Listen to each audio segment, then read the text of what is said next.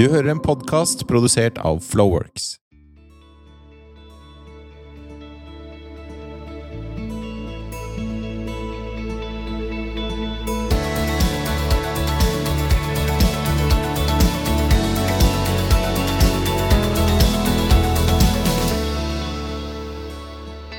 Hjertelig velkommen til episode tre av Tyritrolls podkast.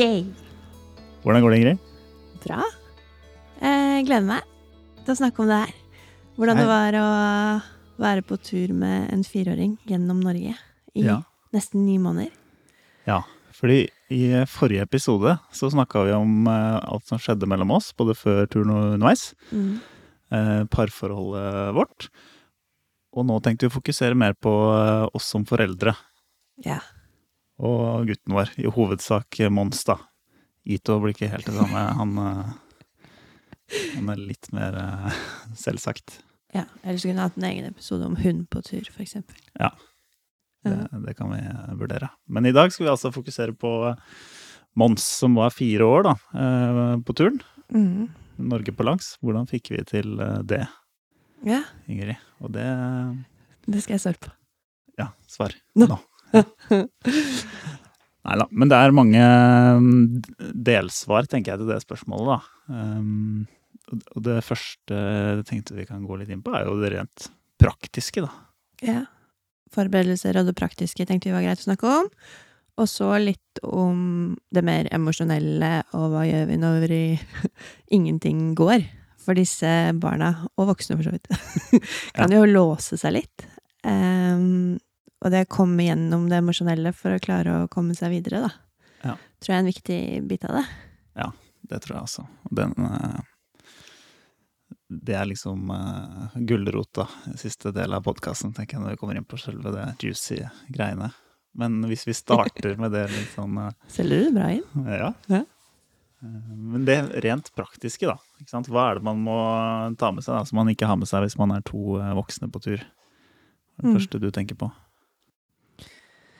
Jeg tenker at det var jo en ganske lang prosess å involvere en person som ikke har et tidsperspektiv, og ikke skjønner eh, hvor Nordkapp er, og ikke kan lese kart.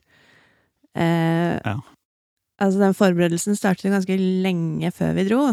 Nesten et år før. Mm. For vi begynte jo med en liten sånn pilottur på tre uker i Setesdalsheinet. For da hadde både du og jeg vært ute sånn en helg her og der, men ikke sånn Ikke over en uke. Nei. Så ingen av oss visste helt hvordan vi kom til å fungere over tid i telt, da. Det, det er sant. Eh, Og det er jo også noen praktiske konsekvenser av å være ute så lenge. F.eks. det at man må ha ganske mye mat i sekken. Da. Mm. Eh, Så det blir tungt. Det var jo en smell vi gikk på, for da var det 17 dager i Setesdalsheiene uten proviantering. Mm. Så vi hadde jo altfor tunge sekker.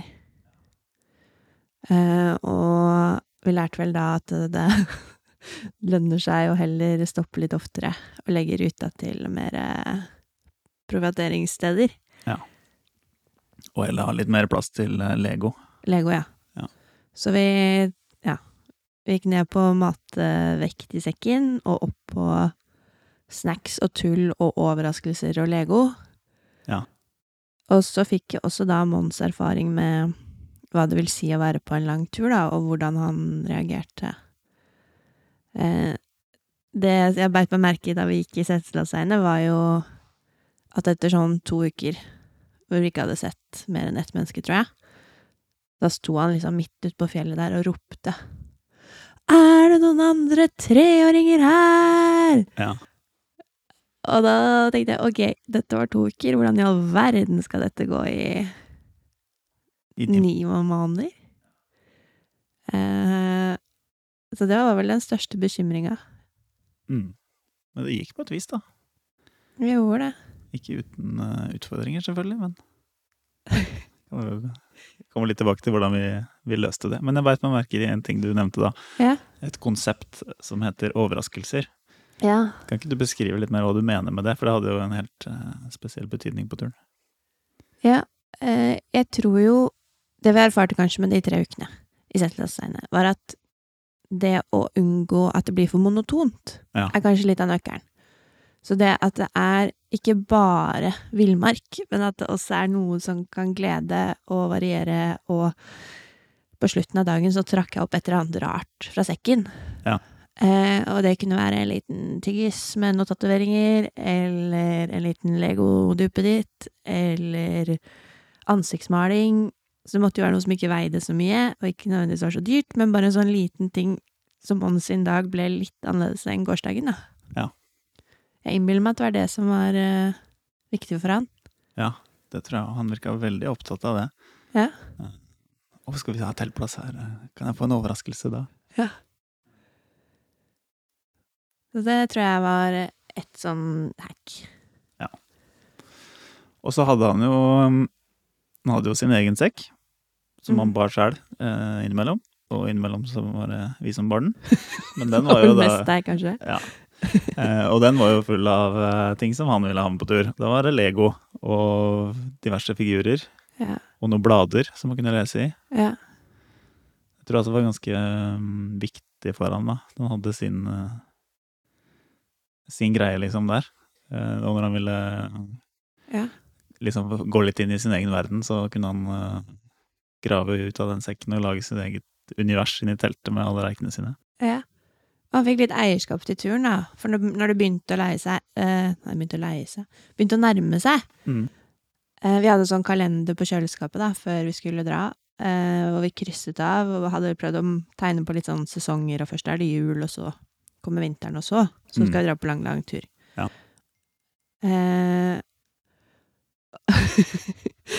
Em, så da begynte jo forberedelsene på å leie ut leiligheten og pakke bort ting, og seleksjonen. Altså Ja. hvilke bamser vil du ha med. Så da sto han da med sine favorittbamser, og så jeg bare ok, hvilke av disse vil du ha? Så han ville helst ha med den der to meter lange slangen, mens jeg håpet at han skulle velge den der lille, gule Pikachuen. Ja. Men det ble vel både, både og. Vi klarte å få med den slangen på et vis. Vi gjorde det. Den slangen, eh, den, eh, der hadde vi noen scener, da, for den ble jo sendt hjem på et tidspunkt, og så kom han tilbake igjen, den slangen. Ja, den var viktig, den slangen. Den var det. Um, men jeg tenker også en bra eh, funksjon med den sekken hans var jo at det var en sånn måte å begrense, eller sånn uh, Si at du kan ha med så mye leker du får plass til oppi sekken. Så da hadde han en slags sånn magemål på hvor mye han kunne ha med seg. Ja. Uh, så var det selvfølgelig litt sånn uh, Styrer han litt på at det ikke skulle være sånne enorme steinfigurer eller ting som veide enormt mye. Men uh, det er klart, der er jo bamser fint, da, for de tar mye plass og veier lite. Så Ja, han har jo blitt litt sånn rar eh, av å være på den turen, blant annet sånn der, Når vi er i en lekebutikk, så er det sånn Ja, denne er lett, denne kan jeg kjøpe. Eller denne er liten nok, denne får jeg plass til. ja. Eh, så det er jo liksom kriteriene for å plukke seg ut noe nytt. Hva med andre sånn praktiske ting, da? Eh, Det er veldig mange som spør hva, hva kler vi på ungen? Ja. Hva, hva pakker man med til et barn? Eh, og det er jo ull, da. Så Ja. har vi hatt med et Spiderman-kostyme. Eh, så jeg vet ikke, jeg. To-tre stillongser, to-tre overdeler, en skikkelig god ullgenser, en god flis og en god fleecebukse. Og så noe yttertøy. skikkelig vanntett yttertøy, sånn at eh, man ikke blir helt gjennomvåt de dagene det regner og sånn. Mm. Ja, det var det ikke noe hokus pokus med det der, annet enn eh, å gå for ull Ja. og vanntette ting. Ja, og så sover han mellom oss. Jeg tror han får mye kroppsvarme, for han har sånn der meitemark når han sover. Ja. Så han havner jo ofte utenfor soveposen, og jeg vet at mange bekymrer seg for at barna skal være kalde på tur. Mm. Men det å ligge mellom oss, og så har vi et sånt pledd som vi strekker over, så han alltid har liksom litt sikkerhetsnett der. Og så mye isolasjon fra bakken, da. At det er gode liggeunderlag, gjerne doble. Mm. For han havner ofte i sprekken og Det er jo særlig på vinteren så blir det jo ekstremt kaldt hvis du ikke er på underlaget. Ja. Men, ja. Uansett, egentlig. Det er veldig det praktiske, tror jeg. Ja. Hva med mat, da? Han er jo ganske særspist, den ungen vår. Det er vel det trekket ved barnet mitt jeg kjenner meg minst igjen i. Jeg er så matglad. Eh, men han er jo ganske selektiv, så han vil jo helst bare ha pasta og ketsjup. Så det var jo det det gikk i to uker, da. Eller godteri? Eller godteri. Ja. og noen yoghurter og mozzarella-stang og ostestang og Og jo! En ting vi er Dere må ikke si det til Mons, da, men vi plukker veldig mye fra den der babyhylla. Sånn derre fruktgodteri. Det elsker han. Ja. Men eh, vi har aldri sagt at det kommer fra babyhylla. Nei, det må vi ikke si. Men det er veldig lurt å ha med på langtur, egentlig. For det veier lite og holder lenge og Mm. skaper variasjon. For jeg tror også det er litt av nøkkelen, da. Variasjon i maten. Ja. Og så er det vel da hvis vi plukker maten selv, eh, eller fanger. Ja, da spiser han jo alt! Ja, alt vi plukka av sopp og bær og sånn, var kjempespennende. Og fiske, skjell. Ja. Så det var ganske kult å oppdage, da, at så lenge han har plukka det sjøl, så spiser han hva som helst. Men det leste jeg faktisk om i går, at unger, de som er litt særspiste, at det er en sånn overlevelsesmekanisme fra steinalderen, liksom. At de skulle unngå ting som var farlig. Ja. Så hvis barnet får være med i prosessen, så spiser det mer, for da ser de at det ikke er giftig eller farlig, de skjønner hva det er. Ja. At det er en ganske viktig del for å få barn til å smake på forskjellige ting. Mm. Og det ga også mening overfor Mons, da, for plutselig spiser han jo taskekrabber og torsk og torsketung og Da spiste han jo plutselig alt. Når han bare visste hvor det kom fra. At han hadde drept det sjæl. Ja. Ja. Høres jo litt morbid ut. Nei, men det er jo uh, nysgjerrighet der, da, hvor det, hvor det kommer fra. Og, Mm. så det, det var kult å se. En annen ting jeg har lyst til å snakke om, er liksom hvor man går, da, hvordan man legger opp etappene og ruta. Ja. For det gjorde vi også en del erfaringer underveis. ja, det er vel også variasjon litt stikkordet, er det ikke det? Jo, variasjon, men også litt sånn eh, Finne spennende steder, da. Jeg Mm. opplever at hvis du velger litt for tilrettelagt, eller litt, for uh, monotont, Ja. så blir det veldig kjedelig da, for barn og voksne. Da. Så, sånn sett er det jo ikke noe forskjell, eh, egentlig. Men eh, jeg syns jo de gangene de valgte skikkelig spennende ruter som jeg var skikkelig spent på, så syns jo Mons og det var veldig spennende. ja, men du er jo sånn der kartnerd som har lest kart og funnet spennende ruter på kartet siden du var sju. Ja. Og jeg skjønner jo Nå skjønner jeg hva du mener når du sier det her, men jeg tror ikke alle helt intuitivt skjønner hva du snakker om. Så du mener er det grusveier er monotont? Og hva er det spennende? Hvordan finner man spennende områder på et kart, da? Hva er det du ser etter? Ja, det er selvfølgelig noe som er litt eh, subjektivt der, da, så jeg kan i hvert fall si for min egen del. Men Ja. jeg tror det er um, veldig mange som er enig, da. Uh, det som er et veldig godt tegn, er jo selvfølgelig hvis området er verna på et eller annet vis, da. Enten uh, selvfølgelig nasjonalpark eller, eller naturvernområde. Hvordan ser man det på kartet? Nei, det er jo uh, ofte, i hvert fall på norgeskart som jeg bruker, noe sånn grønne, ramma inn grønt, da. For du bruker en app Ja. som heter Norgeskart. Norgeskart-appen. Men det er jo også på printa kart så er det ofte markert med grønne streker, da. Så grønne streker betyr at det er verna skog eller verna områder. Ja, eller verna fjellområder, eller verna hav, for den saks skyld. Men det betyr jo at det er eh, unik natur der, da, som noen har bestemt at man skal ta ekstra godt vare på. Ja. Og det er jo et veldig godt tegn. Ja. Da må man selvfølgelig ferdes med å ikke sette spor, men det er jo gjerne natur som er veldig spennende å se, da. Eh, og så er det ting som uh, prøver å unngå, sånn som for eksempel lær hvordan høyspentlinjer og hytter og sånn ser ut på kartet, og prøve å unngå eh, og veier, selvfølgelig. Ja. unngå det så mye som mulig, da. For da, da mister man jo litt den derre uh, villmarksfølelsen. Ja, for da blir du skik skikkelig sur òg. Hvis vi går under en høyspent en hel dag. Det husker jeg vi gjorde på Andøya. Ja, ja, det er jo litt kjedelig. For Litt det, kjedelig. for å si det mildt. Da er du ikke mye fornøyd. Skal egentlig oppleve villmark, og så går man under sånn høyspentledning som bare bzzzt. Nei, det funker ikke. Men så er jo også å lære seg litt å lese høydekurver er jo spennende også, tenker jeg. En indikasjon på Men- hvordan terrenget er, da. Ja, men hvordan er det du ser at det er en høyspentledning på et kart, da? Ja, alle kart har jo sånn tegnforklaring, da, så kan man jo lære seg det. Men det er jo svarte streker, eh, gjerne.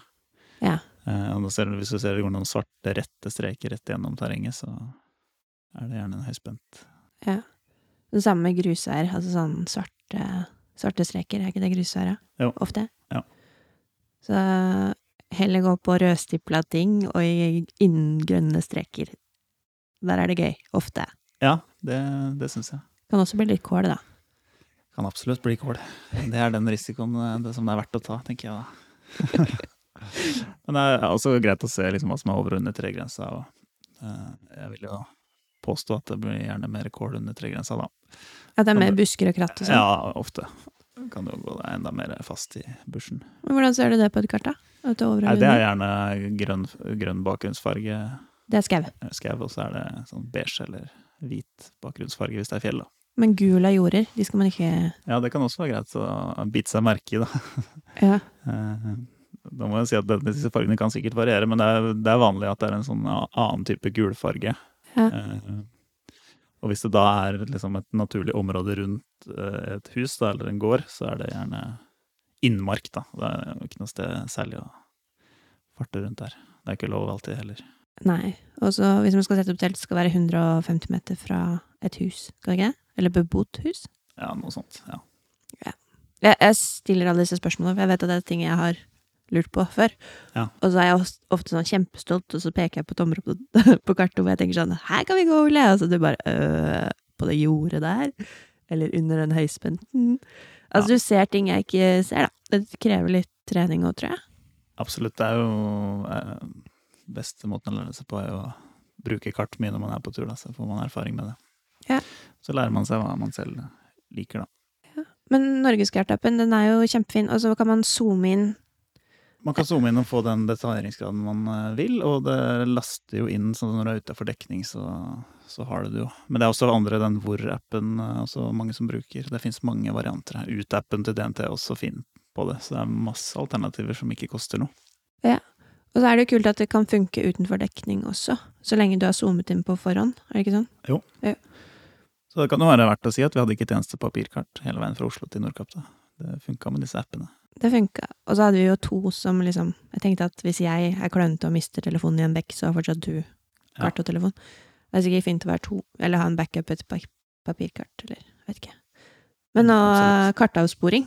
Det er bra avsporing, det tror jeg. Ja, det, det har jo en kobling, da, tenker jeg, Ja. mot uh, hva barn liker, da. Og så er jo, eh, hvis man i tillegg klarer Sånn som på Helgelandskysten var det jo ufattelig kult med alle disse historiene da, som var relatert til fjellene. Ja. ikke sant? Og da blir jo hele turen og landskapet en, et eventyr som eh, man kan snakke om, og skal vi padle forbi det derre er Dønnamannen eller uh, Torgehatten med det hølet i hatten og sånn. ja. Da blir det kjempespennende. Men det er ingenting i veien for å bare finne på ting heller. Eh, man kan jo alltids la seg inspirere, og det er også mye lettere når det er villmark, da. Ja, at du finner mer inspirasjon til historiefortelling underveis, når det er kul natur rundt det. Ja. ja. Og der er jo Altså, du får til noe jeg ikke får til på den historiefortellingsbiten. Jeg klarer kanskje å gjenfortelle et eventyr, og så er jeg ganske lei, men jeg, jeg vet ikke helt hvordan du klarer det, men jeg, det er bare å putte på deg en femmer, og så snakker du om eventyr på inn- og utpust fra vi går til vi Ja. kommer fram, liksom. Nå tror jeg vi er inne på et annet viktig tema, da. Ja. Som uh, mer, hvis jeg tar sånn super mer generelt, Ja. Uh, at foreldrene må En veldig viktig forutsetning for at barnet skal ha det bra, er at foreldrene har det bra. Ja. Eh, og det tror jeg er litt stikkordet her, da. At jeg forteller eventyr eh, når jeg er inspirert og er i et område hvor jeg trives, da. Ja. Og det smitter jo over ja. eh, på Mons. Ja. Så mye vanskeligere for meg å være entusiastisk og underholdende hvis jeg ikke syns det er så fint å gå tur der. da. Ikke et sted jeg hadde lyst til å gå tur i utgangspunktet. Men jeg gjør det for Mons sin del, for lett å gå eller et eller annet. Altså, det, det duger ikke. Nei. Um, så må velge områder som jeg og du syns er spennende. Ja. eh, og da smitter den entusiasmen over, da. Ja. ja, men det, jeg er enig. Og det vi snakket litt om forrige gang òg, det der med overskudd. Ja. Til å være en forelder som orker å leke underveis. Og det gjelder ta Jeg tenker enten hvis man er for redd, for sliten, for utrygg, Mm. så får man ikke til den lekedimensjonen som barnet kanskje trenger for å trives, da. Nei. Så de første teltturene våre med Mons var jo sånn 300 meter fra bilen. Ja. Eh, og det var nok for å bli, kunne bli trygg. Og der er det også fint å kunne være to på tur, da. Ikke nødvendigvis mamma og pappa, liksom, men bare ha noen å spille på, eller bruke en iPad som litt sånn backup, eller at ungen bare må leke litt for seg selv, bare for å få henta seg litt inn. Helt enig. Eh, og det var liksom det største problemet når vi, vi hadde noen dager som var ganske lange, Mm. eh, på fjellet blant annet i skikkelig drittvær, hvor Mons måtte sitte mye i pulken. da. Ja. Og da var vi jo på helt forskjellige steder. Du og jeg var liksom både mentalt og fysisk utslitt. Ja. Og han har kjeda seg hele dagen. Ja. Så det var jo veldig vanskelig å være en familie da. Ja. For han var jo da gira på la oss, når vi kom til en hytte for eksempel, da, på Dovre. Mm. Det var liksom la oss herje og tulle og tøyse og være helt bajas inn på den hytta. Det var jo det han hadde behov for. Mens du og jeg hadde behov for å slappe av få i oss mat og debrife alt det heftige været vi hadde vært ute i hele dagen. da. Ja. Så da blir det litt mer sånn clinch, da. Vi opplever kanskje han som slitsom, og han opplever vel oss som megakjedelig. Ja. Eh, Men hvis vi hadde de dagene vi, vi var mer på samme bølgelengde, da, hvor han gikk mer sjæl, og vi hadde overskudd når vi var framme og sånn, så var det jo megahyggelig. ja. ja. Det blir jo mer harmonisk, ja. Men det er jo dager man ikke får det til. Men det var også en læring underveis, kanskje, at vi klarte å stoppe litt før, Ja. før batteriet var helt tomt, da, eller i minus. Ja. Eller at jeg sa at ok, nå har du begynt å bli grå i trynet og passiv-aggressiv her. Da er det kanskje tids, tid for at jeg skal steppe inn og være litt forelder, og at du får hente deg inn litt bak i feltet, da. Ja. Utvilsomt.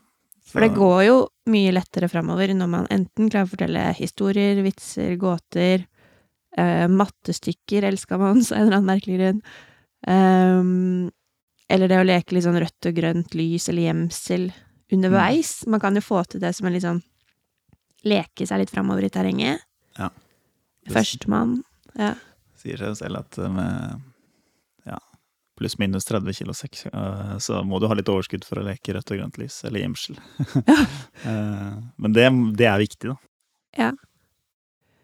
Så enten ha litt lettere sekk for å orke det, eller ta nok pauser, da. Ja. Og sette av sekken når du tar pauser. Ja. For det å stå med den der eh, mursteinen på ryggen og prøve å være engasjert i et eller annet han finner spennende på bakken, av noe sånn derre maur Ja. Og det bare Ah, Det gjør så vondt i skuldrene, og det har bare lyst til å komme deg fram. Det er da det virkelig blir clinch ofte. Jeg tror egentlig det er liksom det området her hvor det skiller seg mest av å være en ekspedisjon med bare voksne kontra barn. Ja. At du må huske på at det faktisk er, i hvert fall når det er så lenge da, som vi var ute, Ja. så er det, også, det er kjempeviktig å leke gjemsel. Det er kjempeviktig å bære på leker. Det er sånn en del prioriteringer du aldri ville tatt hvis du bare var voksen. Nei, nei, og det er en viktig del av turen, og så er det jo ehm, Jeg tror også det var en erfaring underveis at noen ganger så prøvde vi å multitaske. Sånn derre ja, ja, da snakker jeg med Mons mens jeg blåser opp liggeunderlagene, eller mens du lager mat, så forteller en historie. Ja. Det ble bare tull. Så etter hvert så fant vi ut at det var lurt å liksom ha én lekeansvarlig, da. Mm. Sånn, nå er din viktigste jobb, Ole, å leke med Mons mens jeg tar ned teltet. Ja. Eller blåser opp liggeunderlag, eller ja.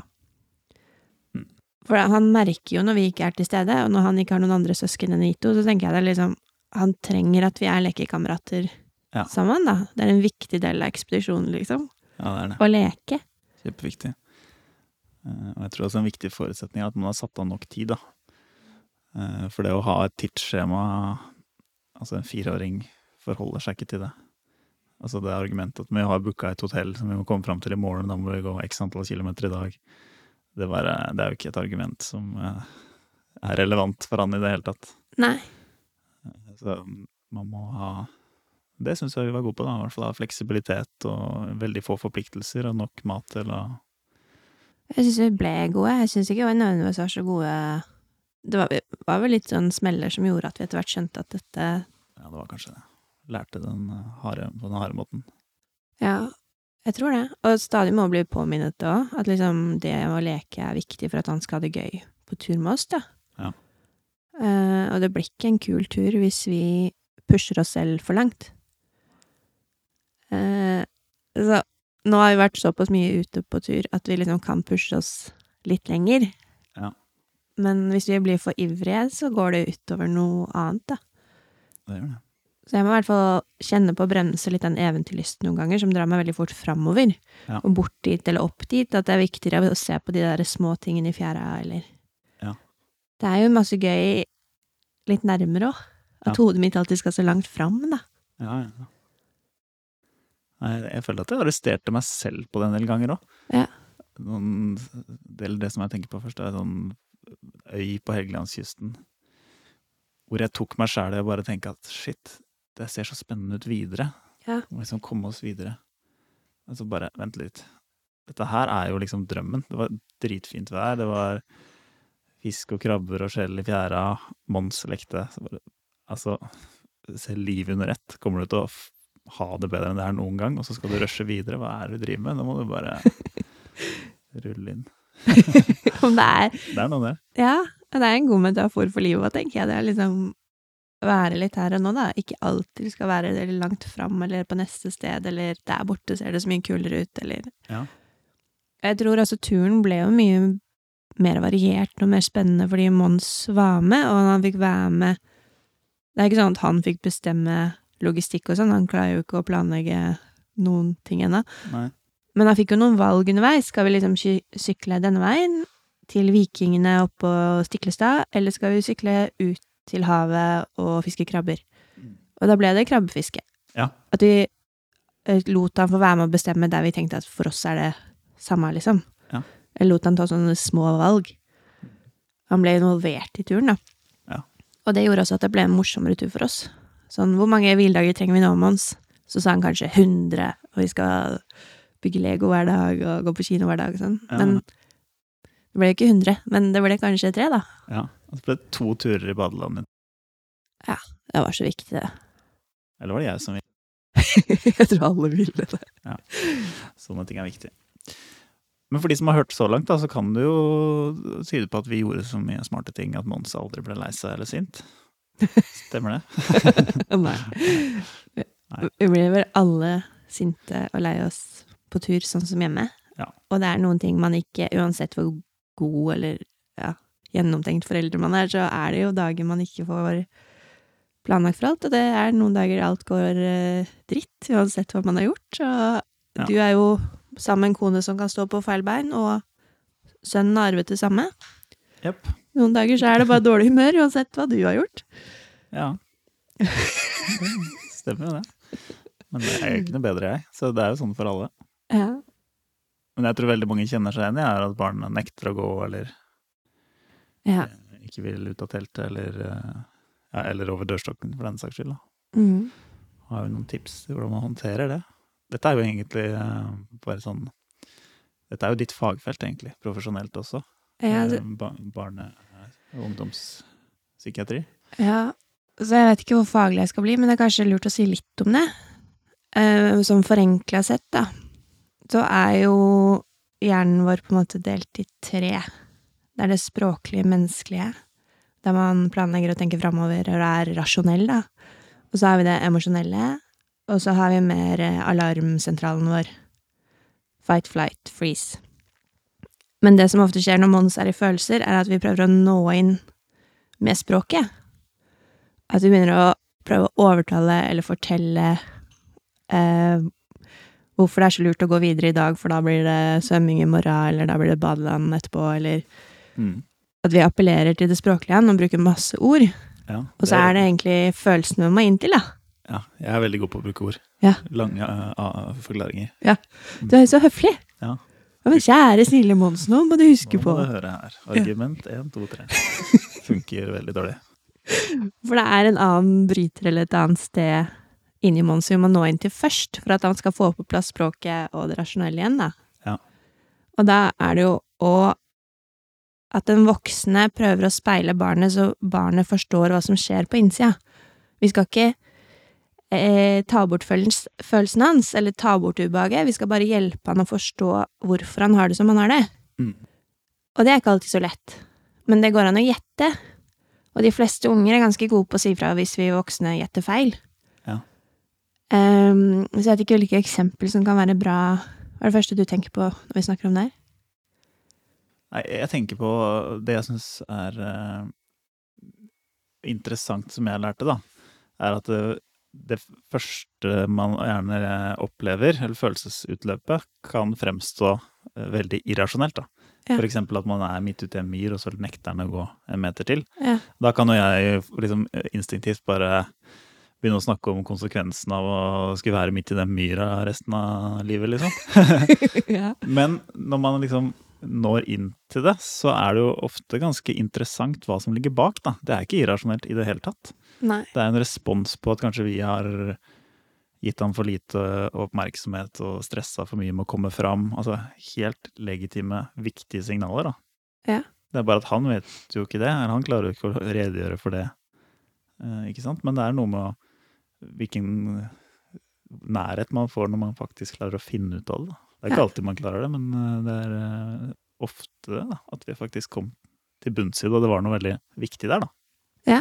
Selv om første signalene kanskje virka, virka som en slags trass, eller uh, hvorfor skal vi ta det på alvor at han liksom er Nekter å gå videre, liksom. dritsur på myra eller et eller annet, men uh, Ja.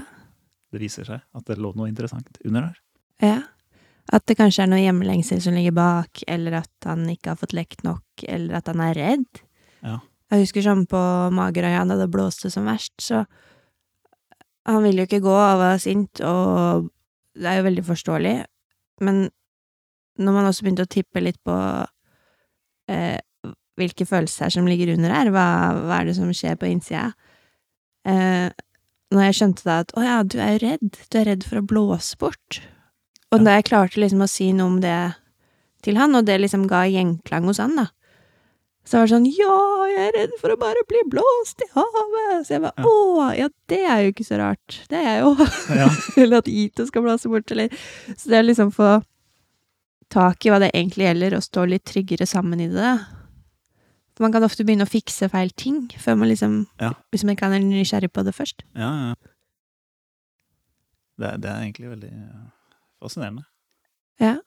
Og så har jeg i hvert fall redsel er en sånn default-følelse for meg. Jeg er ikke så god på å møte redsel, for jeg er ikke så jeg er ikke så god på å kjenne igjen hos meg selv, og jeg har ikke blitt møtt så mye på den som barn. Nei. Så når Mons er redd, så blir jeg alltid liksom forvirra, jeg skjønner ikke helt hva det er, og så kan jeg prøve å begynne å tippe sånn 'Å ja, er du lei deg?' Og så han bare 'Nei!'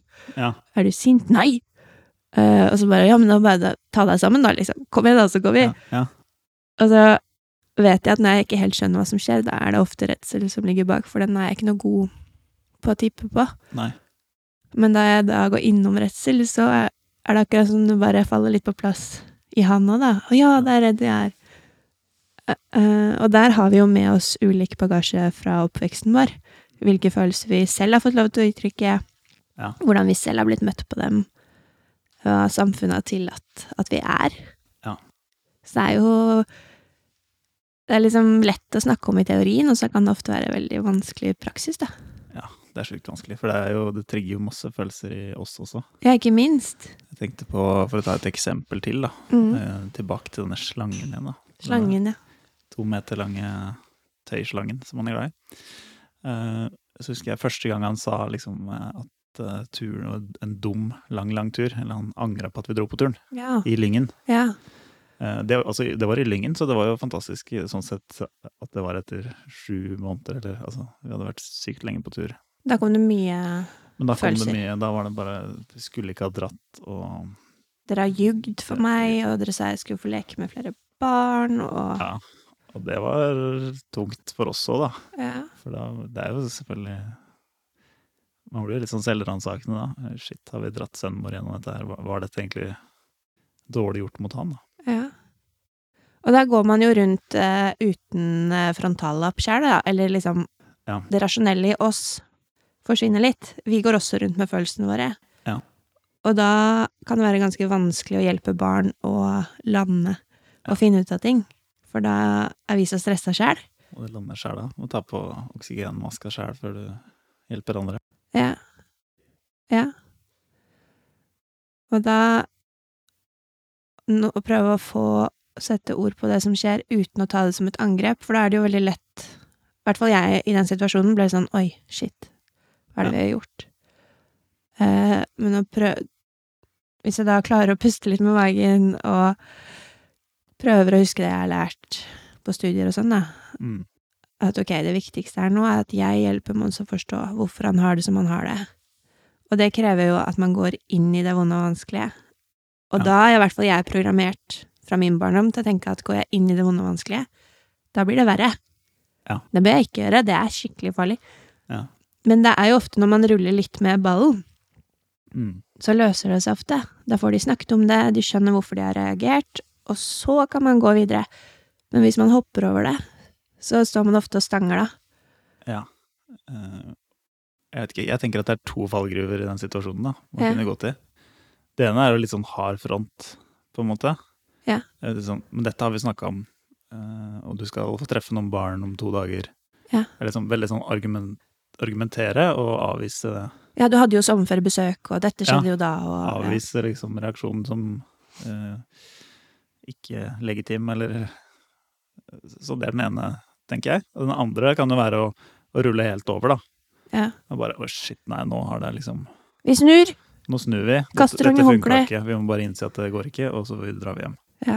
Um, så mens uh, det beste er vel å ha et sted midt imellom der, da. Liksom ta imot følelsen. Den er høyst relevant og viktig. ja. Men vi skal ikke Vi skal ikke gi opp. Vi skal ikke la den få styre og bestemme alt heller. Nei. For da hadde det jo vært sånn at hver gang jeg hadde stått i en myr, eller hver gang jeg var på Finnmarksvidda, så hadde vi dratt hjem. Ja. Altså det er noe med å stå i det, og jeg tenker at der har du vært en veldig god guide for meg i å lære å stå i elementene. Ja. For jeg har tenkt at blir jeg våt, så dør jeg. Blir jeg kald, så dør jeg. Men det å erfare At du har hjulpet meg å erfare at det er ikke farlig, selv om det er litt ubehagelig. Nei. Og der syns jeg det er en fin parallell over til følelser også. De er ikke farlige. De kan være litt ubehagelige, men de prøver å fortelle oss noe. Akkurat som elementene å være, da. Ja. At når det er kaldt, så kan du kle på deg, eller gni føttene sammen, eller sette deg ved bålet, eller få en klem. Ja. Og når du er lei deg, så trenger du trøst. Trenger ikke at noen skal ta bort tårene dine, bare at, no, et, at du har et sted å gråte. Ja. Og sammen med sinne. Det er jo en e- enorm kraft i det. Jeg tror ikke jeg hadde kommet meg over Dovre en gang uten sinne. Eller opp Barlinåsen, for den saks skyld. Altså, hvis man får lov til å være sint Det betyr ikke at man skal slå eller være aggressiv på noe eller noen, men at man har lov til å bruke den energien sinne faktisk er, da. Mm. Den forteller jo oss at vi eh, enten må sette grenser, trenger pauser, trenger kraft for å komme opp eller ut av noe. Ja. Alle disse signalene forteller oss noe, akkurat som skyene på himmelen forteller oss å ja, nå kommer det uvær, da er det lurt å ta opp Ja. tarpen eller paraplyen eller Ja. Det er informasjon. Mm. Det er akkurat som at følelsen også faktisk kommer mer til sin rett ute, syns jeg. Ja, hvordan det? Det er litt mer rom for det, liksom. Du har et mer eh, bruk for sinne, for eksempel. Da. Mm. Hvis du blir sint på noe på kontoret, så er det liksom ikke så mye konstruktivt å bruke med den energien, da. Nei. Eller å gjøre, gjøre med den. Men hvis du blir sint i en motbakke på fjellet, så er det jo energi til å liksom Ja. Kommer av bakken. ja. Eller- der skriver psykolog med sovepose, Johan eh, Refseth også. Ja. Det var litt det jeg tenkte på, egentlig. Jeg ble inspirert. Jeg leste Resten i går, boka liksom. hennes på senga i går, så ja. Ja, det er et veldig godt eksempel. Ja. Og at i vårt samfunn så er det kanskje ikke helt plass for alle følelsene, at de kommer litt i veien, da, tenker vi. Ja. Men man får jo ikke lært noe eller gjort noe uten de heller. De motiverer oss, og de aktiverer oss til å klare å holde fokus, og de kan jo være på laget. Ja, de kan det. Du trenger ikke ta en Ibux, du kan ta en pause, eller du trenger en klem, eller Ja. Og der er det jo fascinerende med barn, for der er følelsene litt mer eh, u, eh, upåvirka av eh, liksom, at man har lært seg å legge lokk på ting, eller har lært seg at man ikke skal vise den, den følelsen. Ja. Eh, Så forhåpentligvis eh, så har barnet fått lov til å vise alle følelsene, og da ser man det i sin reneste form, og da gir det jo enda mer informasjon òg. Ja. Det var enda mer nyttig. Jeg tar For meg selv så kan det være litt vanskelig å få tak i ting. For det ligger så godt pakka inn nedi, nedi magen et sted at jeg ikke får tak i det. Ja, og kanskje også kamuflert eller gjemt i andre følelser, da. Sånn typisk er jo at kanskje menn viser mer sinne, og kvinner gråter oftere. Ja. Men egentlig er jeg sint, og du lei deg. Men det har vi ikke helt fått lov til å vise. Nei, Nei, ikke sant. Så sånn sett er det jo ofte lettere å forstå barns uttrykk, da. Mm. Men hvorfor de har det sånn, er ikke alltid så lett å skjønne. Nei. Så der trenger man jo ofte å gjette litt. Men jeg syns det er veldig kult når man klarer å gjette riktig. Eh, men det er ofte jeg kanskje sier de riktige ordene, men glemmer å bruke kroppsspråket og følelsene også. For det er litt som å tune seg inn på en riktig radiokanal. Ja. For å få barnet til å skjønne deg. Du, du, du kan ikke si 'Å, er du sinna, du, ja?' Ja. Da blir jo Mons bare enda mer forbanna. Ja. Så man må liksom gi tilbake det man tror barnet har på, sam på innsida. ja. Sånn der 'Å ja, nå ser jeg at du er litt irritert', og det er jo ikke rart. Nå skjønner jeg du er sint. Ja. Man skal ikke stå og skjelle ut ungen tilbake, men bare gi det tilbake på en måte som er håndterbar for de, da. Ja. Og der kan man bomme noen ganger. Ja. Eller jeg gjør i hvert fall det. Så noen ganger blir det litt for sukkersøtt, eller Ja. litt for ivrig, eller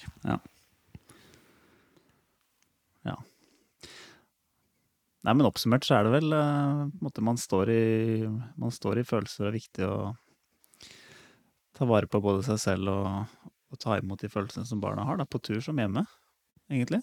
Ja. Der er det jo liksom den derre 'ut på tur, aldri sur', tenkte jeg på nå. Liksom, setter litt sånn urealistiske forventninger til at eh, ting skal være helt annerledes når man er på tur. Jeg tror det liksom er Hæ?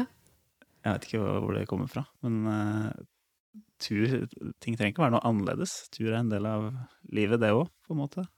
Ja, og kanskje enda mer Jeg merker i hvert fall at jeg kanskje er enda bedre der ute, hvis jeg ikke er for sliten, da, til å ta imot følelser enn hjemme i leiligheten. Ja. For hjemme kan jeg bli litt sånn 'Å nei, hva sier naboen?' eller eh, hvis han får et anfall i butikken, holdt jeg på å si, eh, så kan man bli litt stressa av folka rundt. Men der ute så er det liksom takhøyde, da. Ja. Eh, til å skrike og trampe og uten at man er til bry for noen, liksom. Mm. Det kan være litt befriende. Ja, man trenger ikke å legge noe bånd på seg. Nei. Litt for hverandre, selvfølgelig, da.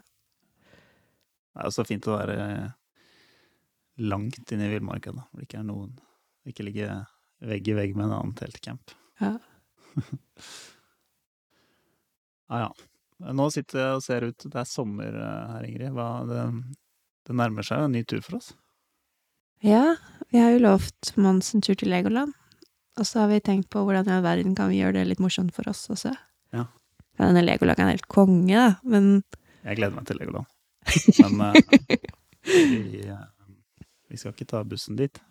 nei. Nå har vi kjøpt sykler på Finn, og så skal vi ta danskepotten over til eh, nordspissen av Danmark, og så skal vi sette kurs sørover, og så skal vi sykle sørover i seks uker. Og målet er å komme i hvert fall innom Legoland, og kanskje Disneyland, eller Ørkenen, eller eh, Ja, jeg gleder meg i hvert fall til å bare dra dit jeg vil igjen, og ta en uke av gangen igjen. Ja. Leve litt sånn på loffen med sykkel og vogner. Mm. Med kurs sørover denne gangen. Ja. 180 grader motsatt av forrige lange tur. Men eh, Ja, Mons er ikke så Han er litt lei av å være kald. Ja. Jeg tror han ønsker seg en sommer han kan eh, gå rundt naken og bade så mye han vil. Um, for det fikk han ikke helt i fjor, i hvert fall ikke så mye. Selv om jeg har forelska meg veldig i nord, og egentlig bare lyst til å dra nordover igjen. Men um... Det har blitt så utrolig harding. Nei da. Men uh, det blir fint igjen, en annen opplevelse. det blir det. Men hva tror du han liksom Før vi snakker videre om sommerferien, hva tror du han sitter igjen med som liksom høydepunkt fra den lange turen? Det, har vi bare Har det vært noe bra for den, tenker du? Ja, jeg tenker det. Eh, Jeg føler det nesten har blitt en del av sånn identiteten hans også. Ja. Han introduserer seg som Mons. Jeg har gått eh, lang, lang tur til Nordkapp, liksom. Eh, Men helt konkret hva han sitter igjen med Jeg vet i hvert fall at det er liksom en stor kjærlighet til naturen, da. Ja. Han, alt, alt av liksom levende fra maur, edderkopper Her om dagen så Det kan hende han hadde blitt sånn uansett, men, eh, men så det krabba en edderkopp på foten min, og da vi padla packraft. Og så sier han bare 'Å, så søt edderkopp'. Den må vi ta vare på. Eh, så da passa vi på den, at vi var i land og slapp den i land. Og sånn er det jo med alt. eh, ja, til og med sant, på Øyungen, da vi endte opp forrige helg, da når vi padla packraft. Så fant vi en blodigle, og selv liksom de mest eller minst eh, tiltrekkende dyra man finner, da, så er han liksom glad i Han er glad i alle sider av naturen, da. ja. Veldig nysgjerrig på den. Så fascinert å komme, komme i barnehagen og bare 'Jeg har sett blodigle'. Ja, så han vil jo egentlig dra sørover for å se skorpioner i ørkenen. Ja, så mye dreier seg om liksom, naturen og, Ja. og dyreliv, da. ja. Og Lego. Ja, det òg. Så jeg håper i hvert fall i sommer at vi får vist deg noen sanddyner i Danmark, om ikke annet. Men jeg har et sånn lite håp om at vi klarer å komme oss til grensa til Spania, for der er det en ørken. Ja. Og jeg har ikke så lyst til å møte skorpioner, da, sånn som han har. Men uh, det kan jo være litt spennende. Veldig. Så planen nå er å ha sommerferie fra podkastproduksjon. Eh, men vi tenker kanskje å lage litt sånn reiseradioaktig, så vi kan spille av det igjen i august. Ja, Så neste episode så vil det jo være høydepunkter og bunnpunkter fra turen. da. Både opplevelser og Nye smeller. nye smeller, garantert. Rykende ferske smeller, tenker jeg. Det må det jo bli. Pleier å bli det. Ja. Da blir det, ja. Jeg er god på å rykke kjede. Det har jeg gjort ganske mange ganger, egentlig. Ja. Allerede. Med påfølgende følelsesutbrudd. Tror du ikke det? Jo. Se om vi får til noen live opptak òg. Det er jo ikke alltid man husker å ta opp når man er uh, sint, men eh, vi får se hva vi får til. Nei, uff. Det tror jeg vi faktisk skal slippe å høre, ass. Ja. Men Yes. ehm, ja. Tilbake igjen i august, og jeg har også lyst til å invitere inn gjester som kan snakke litt om naturen og følelser og hva som skjer i oss når vi er ute. Det blir kjempespennende. Nå har vi snakka mye om, eh, om oss, familien og forhold og, og sånn. Og så blir det jo megaspennende å høre andres perspektiv inn på ting, da. For det er jo ikke tvil om at en del er subjektivt òg. Sikkert mange som har andre Veldig. erfaringer. Ja, ja. Så vi kommer sikkert til å lære noe. Og vi kommer til å få inspirasjon.